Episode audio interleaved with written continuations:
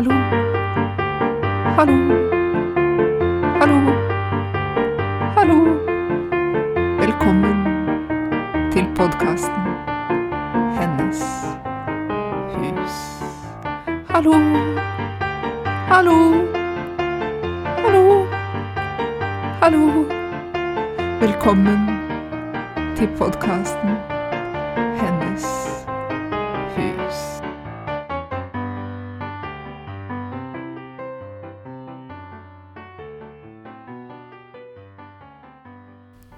Hallo, og velkommen til en ny episode av Hennes hus. Jeg heter Aurora Årås og er vertskap her i podkasten. Og dette er en påskespesialepisode. Den blir på en måte en fortsettelse av den episoden som handler om vårjevndøgn og Åstara. Den kan man gå tilbake og høre på. Men man kan også lytte til denne uavhengige av, av vårjevndøgn-episoden. Jeg tenkte jeg ville snakke litt mer om særlig egg, og litt om harer.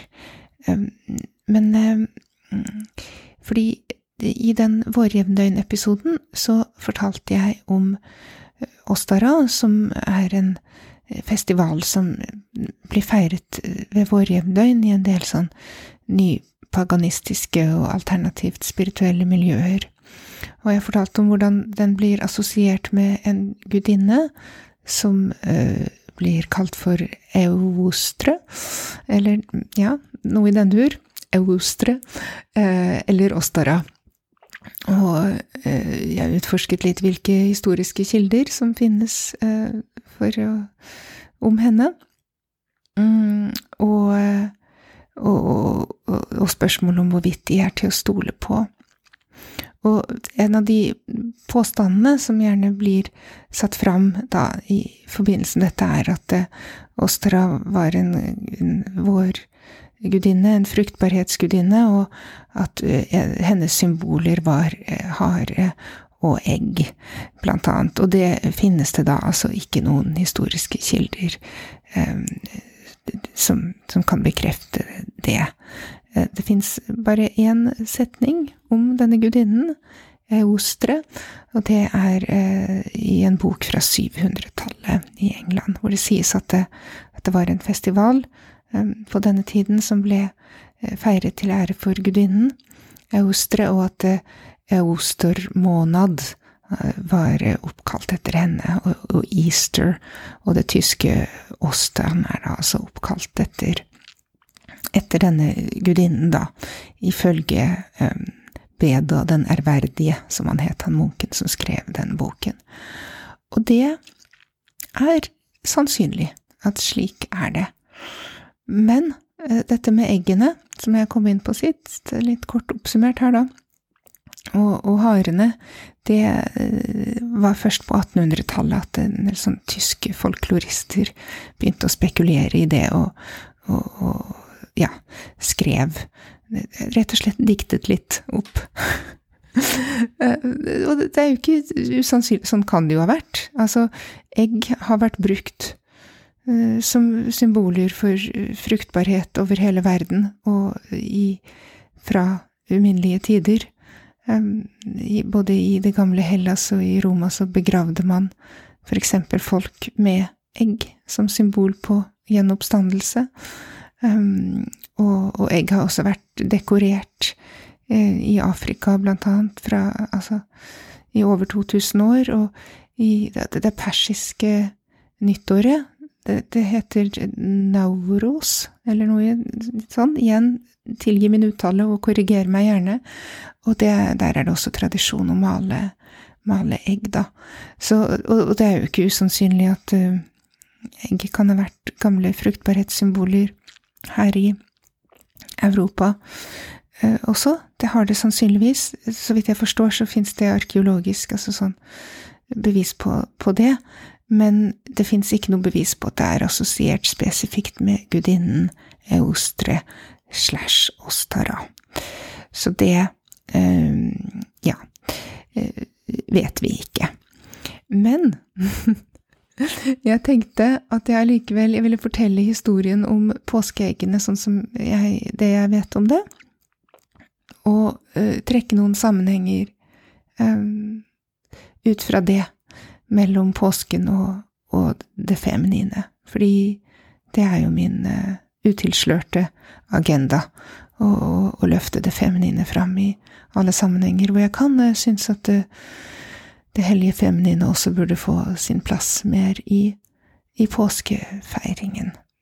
Så, og det er det mange måter man kan gjøre på, men, men, jeg ønsker jo da å gjøre det uten å dikte opp sammenhenger som, som ikke det fins bevis for. Um, men det kan hende vi kan finne spor av uh, henne allikevel. Så ja, det vi vet uh, om påskeegg, da, det er uh, at Eller sannsynligvis så regner man med at de blir assosiert med påsken først og fremst fordi man i katolsk tradisjon, når man fastet, så hadde man ikke lov å spise egg i fastetiden. Og det hopet seg jo opp en masse egg, da, fordi hønene sluttet jo ikke å legge egg allikevel. De kvakket omkring og, og, og, og ruget og, gjorde som høner gjør. Og, det ble jo et overskudd av egg til påske, og man kunne da bryte fasten og spise egg for første gang. Og i tillegg så måtte man gjøre noe med de eggene man ikke fikk spist. I denne fasten varte jo i 40 dager og 40 netter, så det var jo ganske lang tid, og man måtte gjøre noe. Og da eh, regner man med at man begynte å, å blåse ut innmaten og male, male, dem, da. Og opprinnelig så ble de malt røde, og det skulle symbolisere Kristi blod, som ble Ja, eh, som han blødde på korset. Eh, for eh, menneskenes synder, eh, slik at vi skulle få tilgivelse. Det er jo påskens Den kristne påskens idé. Så det var Det var jo en fin ting, på en måte. Innen den tankegangen så var blodet en gave. Den vakreste gaven til menneskene. Så disse eggene ble, ble malt røde, da. Og det um, det er jo også et slags symbol på Så det er liksom lidelsen og døden, dette går inn i lidelsen og døden, og, men det nye livet som, som oppstår av det. Og dette i den kristne tankegangen så var dette nye livet i Kristus. Um, som uh, ja frelst fra syndene og tilgitt fra syndene. Um, så, så, det er det. Og, og, i tillegg så var um, Eh, dette det tomme egget Altså, egget ble da i kristen tradisjon sett på som eh, nettopp dette som livet som gjenoppsto fra døden, og det evige liv som da eh, er gitt oss i gave ved Kristi offer av seg selv på korset. Så, så der har du død- og gjenoppstandelsesmotivet. Og det tomme egget, det uh, var sett på som symbol for den tomme graven som Maria Magdalena og de andre kvinnene fant på påskemorgen. Og det jeg liksom har tenkt, som er tydelig, men som jo selvfølgelig ikke blir sagt ord på i, satt ord på i, den, i, i verken bibler eller utlegninger om Bibelen, fordi det, det, det, liksom det å kalle Gud for feminin, det gjør man jo bare ikke enda. I hvert fall. Men det er jo um, Hvis Hvis egget både er symbol på nytt liv, og på det tomme egget er den tomme graven, så er jo det det hellige feminine som gir dette livet. Det er jo ikke noen annen måte å se det på og det er det hellige feminine som rommer den tomme graven.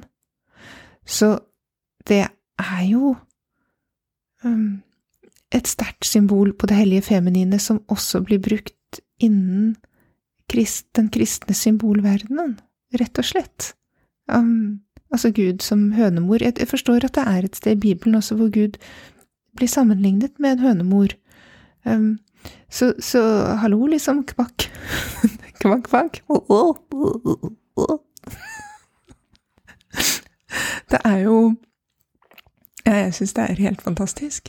Men kan vi ikke bare begynne å liksom Vi kan skrive litt salmer om hønemødre og egg, og, og bruke hund, um, i tillegg til dette uh, herregreiene.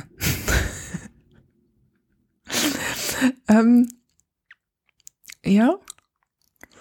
Det er det jeg tenker. Jeg er sikker på at det finnes mer poetiske måter å gjøre det på enn å si Men, um, men syns, jeg syns det er vakkert, altså, selv om jeg tuller. Jeg syns det. Og det er liksom så pussig hvordan dette feminine sniker seg inn og er der, men ikke blir verbalisert, på en måte. Fordi det kunne man jo liksom ikke i dette helt, denne helt maskuline treenigheten og dette merkelige, konstruerte universet som er så fjernt fra mm, livets virkelighet. Så, men det jeg tenker er at man behøver ikke verken øh, fornekte kristendommen eller det feminine. Ikke her heller. Det er jo der hele tiden, hva? Den store livmoren som holder oss, den store livmoren som vi kommer tilbake til når vi dør, som vi synker inn i, inn i underverdenen, og den store livmoren som gir oss nytt liv igjen, altså kosmoslivmoren, store hønekosmos, ja. Jeg håper at jeg uttrykker meg noenlunde klart, selv om jeg liksom bare sitter her og, og drodler. Um, men, men, det er det jeg ønsker å si med denne episoden. At uh, selv med de historiske fakta, så kan vi um, forestille oss det. En stor kosmisk livord som, som, legger store kosmiske egg som det nye livet kan gjenoppstå fra, og at Kristus også, ja, har eh, sank ned i denne livmoren og, og kom ut igjen som, eh, som gjenoppstått, uh, ifølge denne symbolikken, da, med, med egget. Um, og jeg er sikker på at dette blir abstrahert veldig innen sånn, teologi, og det, sånt, folk, folkelige og det teologiske henger jo ikke stort sett eh, alltid sammen. Men, eh, men, det går an eh, å se det sånn. Så jeg vil foreslå at vi begynner å, å, løpe rundt og snakke veldig mye om kosmiske livmødre og kosmiske egg, og, og setter dem i sammenheng også med påsken uten å fornekte Altså, hvis man er kristen, så syns jeg også jo eldre jeg blir, jo uh, mer respekt får jeg for det kristne budskapet. Men jeg tror ikke det er noen motsetning her. Behøver å være. Det er eh, Det var klokka 13.13. 13. Det er flott. Det var uh, min, mitt påskebudskap. Jeg ønsker alle en, en velsignet påske, rett og slett. Og eh, ja, det er noe rart med påsken. Den er eh, på en måte veldig fin og stille og fredelig, og så er det et mørke, og det tenker jeg handler om å gå inn i denne underverdenen, um, og at man skal ha respekt for, for det. Um, døden og gjenoppstandelsens mysterium. ja, og jeg tenker at det heller ikke er tilfeldig at vi driver og ser på krim, og det er noe med de mørke sidene også, eh, mellom alle eggene og all sjokoladen og, og påskeharene som hopper omkring i skogen. Og ja, det var det. Påskeharene er jo heller ikke eh, Altså, de, er, kaniner er også eh, fruktbarhetssymboler rundt omkring i verden. De er jo av de mest fruktbare skapninger som fins. Men i Europa så er de faktisk første gang nevnt på, på 1600-tallet. Det var eh, en tysk eh, lege og botaniker, faktisk, som het Georg Frank von Frankenau, for sikkerhets skyld. Han levde fra 1643 til 1704. Og i 1682 så utga han eh, et verk som het De ovis pascalibus, altså om påskeegg, da. Og her eh, nevner han en eh, osterhase, altså en påskehare, som da, eh, han sier, ifølge tysk folketro ble sagt å gjemme egg som barna kunne finne. Men påskeharen var ikke det eneste dyret som gjemte egg da, på den tiden. Det sies også at det var, fantes en påskerev, og en påskestork, blant annet. Så det er bare i løpet av de siste 200 årene at påskeharen har blitt sånn standarddyr for uh, legging av påskeegg. Så ja.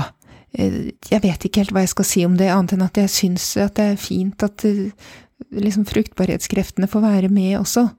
Men vi behøver ikke å, å dikte opp historiske sammenhenger som det ikke er belegg for. Det betyr jo ikke, igjen, som nevnt i begynnelsen, det betyr ikke at det, at det ikke kan være slik. Og, og Eostre og, og sant, våre fruktbarhetsgudinner kan godt ha vært eh, assosiert med, med kaniner, men, men, vi vet det ikke, så, uh, så la oss holde fakta uh, La oss holde beina på jorda og skille fakta fra fiksjon, men allikevel kunne nyte små kaniner og, Ja, og det de symboliserer. Det um, Det, ja, syns jeg er fint. Men det var det. Jeg har ikke så mye å si om påskeharer, egentlig. Jeg syns egget er uh, mer interessant, for det um, kan også assosieres til den uh, kristne symbolverdenen, som sagt. Så det er en måte å, å se det feminine der på. Nå skal jeg slutte. Tusen takk for i dag. Ha en riktig god påske, og så snakkes vi igjen. Ha det bra.